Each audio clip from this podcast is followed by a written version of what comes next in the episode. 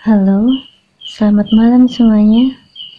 Siapa pun yang lagi mau dengerin podcast ini, aku harap kalian dalam keadaan baik-baik saja.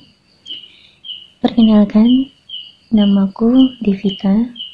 Hari ini aku akan berbagi kisah tentang bagaimana pengalamanku bertemu mereka di dalam perjalanan hidupku.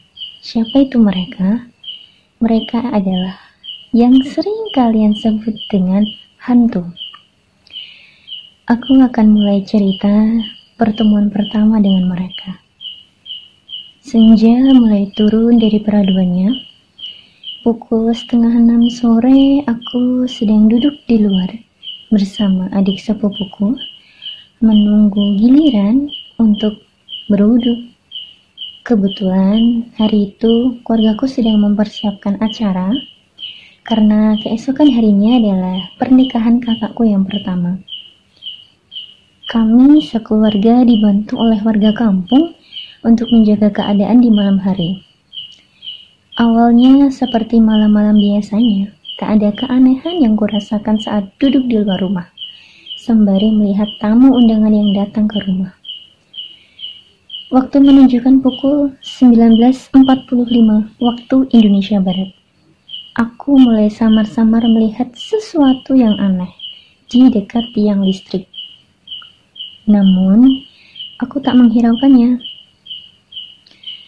Kak, motornya tolong dimasukkan ke rumah, kan sudah malam, kata ayah bicara ke kakak keduaku. Baik ayah, kata kakakku. Aku pun turun ke halaman depan rumah mengikuti kakakku. Dan seketika aku langsung melihat si lollipop atau pocong. Dia duduk sembari mengayunkan kakinya yang terbungkus oleh kain putih di atas pohon yang dekat tiang listrik tadi. Anehnya, aku tak merasa takut sama sekali dan aku hanya berkata, "Oh, ternyata pocong. Aku kira tadi apa?"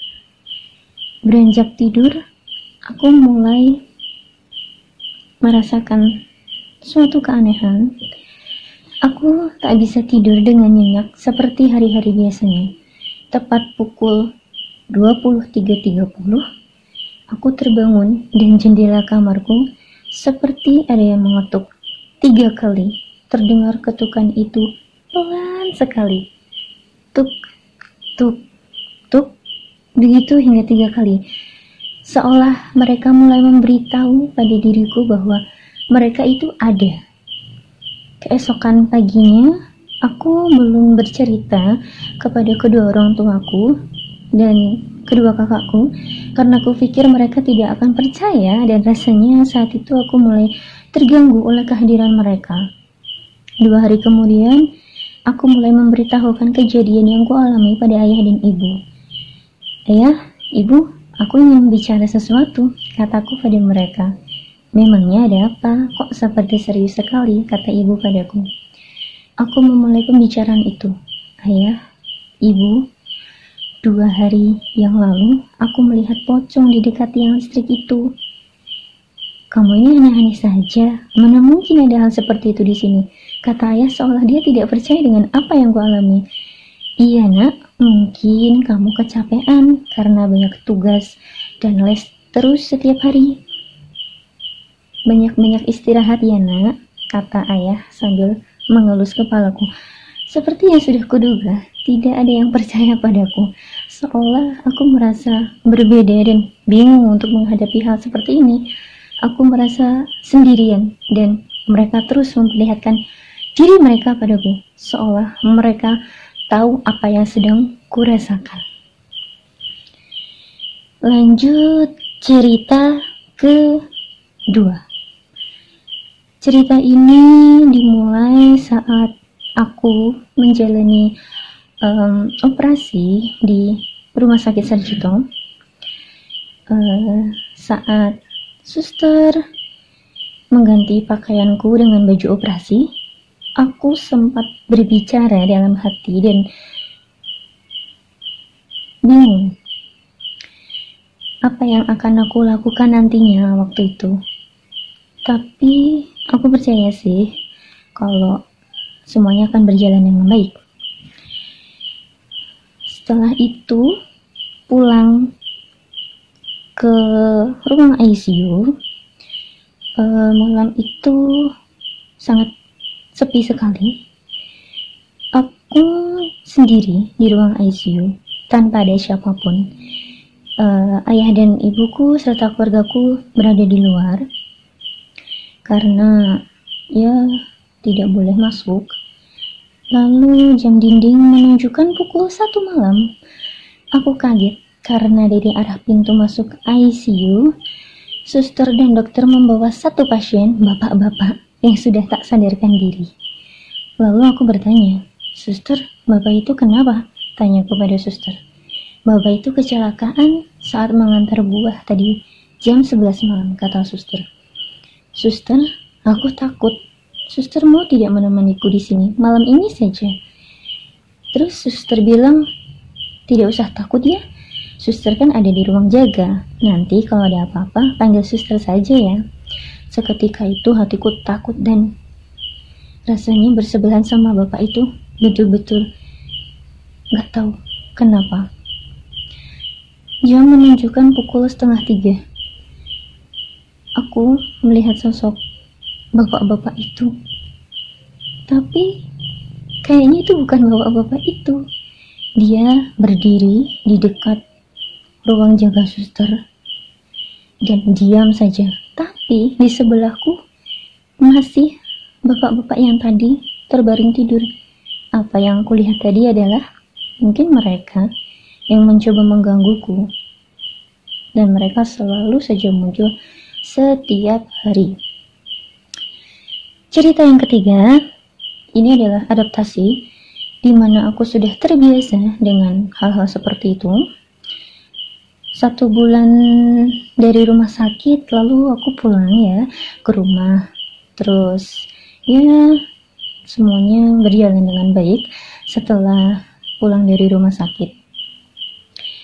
Siang itu aku pulang sekolah dan langsung istirahat masuk ke kamar untuk tiduran sebentar sambil menunggu azan asar. Kebetulan aku sendiri di rumah karena ayah, ibu, dan kakak bekerja. Tidak ada yang aneh siang itu dan tiba-tiba boneka buaya yang ada di atas almari jatuh dan diikuti dengan lampu kamarku yang mati secara mendadak. Boneka buaya itu milik hmm, anak yang punya rumah sebelumnya dan aku mulai merasakan kehadiran mereka. Memang tidak masuk akal boneka itu berada di atas lemari dan bisa jatuh tanpa ada orang yang menjatuhkannya. Rasanya aneh sekali gitu. Aku langsung lari menuju ruang tamu dan membuka pintu utama agar jika terjadi sesuatu aku bisa langsung lari keluar. Malam harinya aku tidak ingin tidur sendirian. Aku takut Sejak saat itu keluargaku percaya tentang apa yang ku alami sekarang. Aku merasa di dalam rumah itu sangat panas dan pengap walaupun hujan sekalipun tetap panas sekali udaranya. Mungkin karena tidak ada ventilasi sama sekali, sampai akhirnya aku dan keluargaku tidur di depan kamar mandi sambil dibuka. Karena betul-betul panasnya minta ampun Dua bulan sudah aku tinggal di rumah baru itu. Banyak sekali kejadian yang membuatku stres karena mereka selalu menampakkan diri seolah tahu bahwa aku bisa menjadi teman mereka. Ada satu kejadian, malam itu hujan deras, hanya aku dan ayah di rumah karena ibu belum pulang kerja dan kakak masuk malam. Dek, ayah mau antar bonekanya Candice uh, Candice itu anaknya kakak pertama aku. Uh, adik, adik di rumah aja ya, nggak usah ikut, kata ayahku. Terus aku bilang, ayah, aku ingin ikut, aku takut, kataku pada ayah. Terus ayah bilang, tidak usah dek, di luar hujan, di rumah saja ya. Ya udah, aku di rumah sendirian. Sendirian di rumah itu bagi uji nyali yang tak pernah kulupakan sampai saat ini. Tiba-tiba saja TV menyala sendiri dan lampu di ruang makan mulai tak beres. Aku hanya duduk di ruang tamu sambil terus menyebut asma Allah dan memegang tasbih. Setelah gangguan itu tak ada lagi, aku mulai berani untuk duduk di depan TV sambil melihat TV. Aku mulai melihat seorang nenek-nenek di dekat jendela TV, mondar mandir dan melihat ke arahku. Nenek itu berambut putih, panjang, memakai kebaya dan jawa berwarna kuning. Aku sangat takut sekali. Ayah belum juga datang. Waktu menunjukkan pukul setengah delapan malam, hujan mulai reda, tetapi mereka belum selesai menggangguku. Saat aku pengen ke kamar mandi, mereka melihat, memperlihatkan, maksud aku memperlihatkan wujud mereka. Aku melihat nenek tadi. Aku memberanikan diri untuk ke kamar mandi, tapi tiba-tiba ada sosok wanita berambut panjang sekali berbaju putih berbelok ke arah kamar mandi dan itu membuatku tidak jadi ke kamar mandi. Kuurungkan niat ke kamar mandi dan aku kembali duduk di ruang tamu lagi.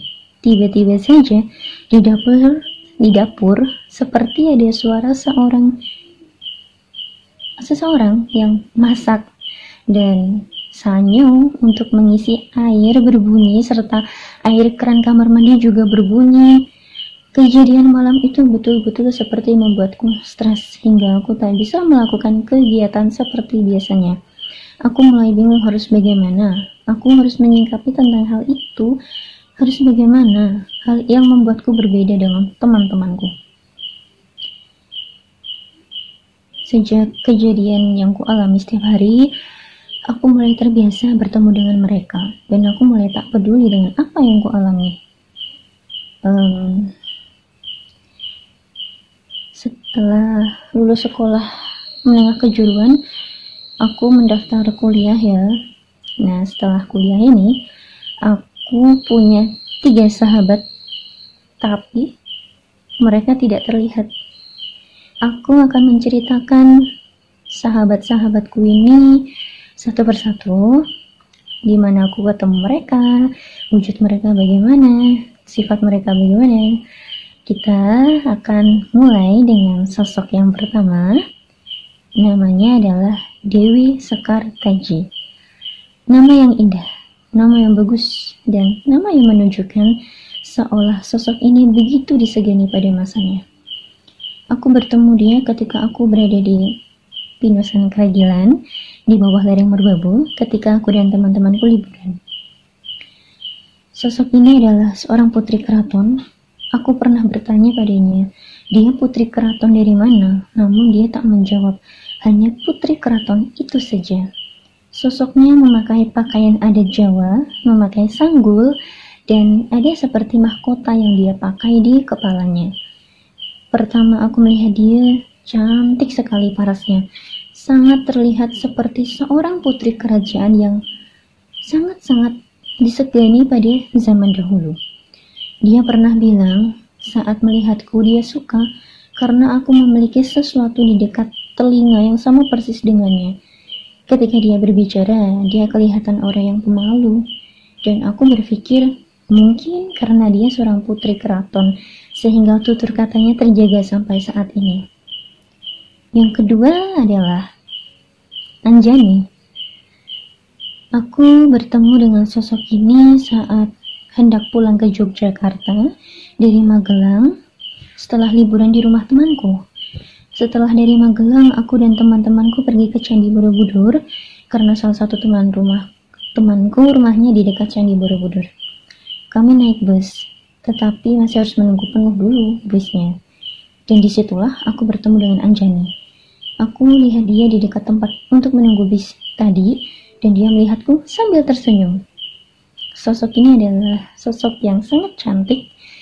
Dia berasal dari India. Dia bilang dulu ada kerajaan India di daerah Magelang dan dia adalah putri kerajaan tersebut. Anjani memakai baju seperti Dewi di pewayangan kalau kalian tahu, pewayangan Jawa dan India memakai mahkota di atas kepalanya, memakai gelang di kedua lengan tangannya. Sosok yang cantik dan berwajah khas orang India. tubuhnya tinggi semampai dan aku berpikir pasti dia begitu sangat cantik pada masa zaman dahulu. Rambutnya panjang dan bergelombang, menandakan dia putri kerajaan yang amat cantik. Dia bilang saat bertemu aku, dia merasa aku adalah anak yang baik dan dia tertarik ingin menjadi temanku. Yang ketiga adalah namanya agak sulit sih. Aku ketemu dia juga pertama kaget. Namanya bagus banget sih. Namanya adalah Shizo sosok ini sangat mencuri perhatianku saat aku, saat aku bertemu dia di Candi Borobudur. Dia adalah sosok yang sangat cantik dia bilang melihat aku saat naik bus Terus di dalam bis itu dia merasa ada yang berbeda dan ternyata aku bisa melihat dia. Kebetulan aku naik bis itu pulang ke Jogja, sebelah tempat duduk itu kan kosong. Jadi dia bisa apa ya? Masuk dan duduk di sampingku. Shizu ini berasal dari China dia itu sipit sekali, memakai baju baju seperti baju imlek dan rambutnya dikepang, berponi, cantik sekali. Uh, dia bilang saat melihatku di dalam bus, itu ada yang beda dan ternyata aku yang membuat beda. Dia suka melihatku karena sipitnya sama dengan dia. Dia merasa bahwa dia seperti punya kembaran, seperti punya adik, yang betul-betul persis sama dengan dia. Memang saat itu aku sedang melamun karena mungkin kelelahan. Jadi Dewi Sekartaji, Anjani, dan Sizo mengikutiku sampai ke rumah.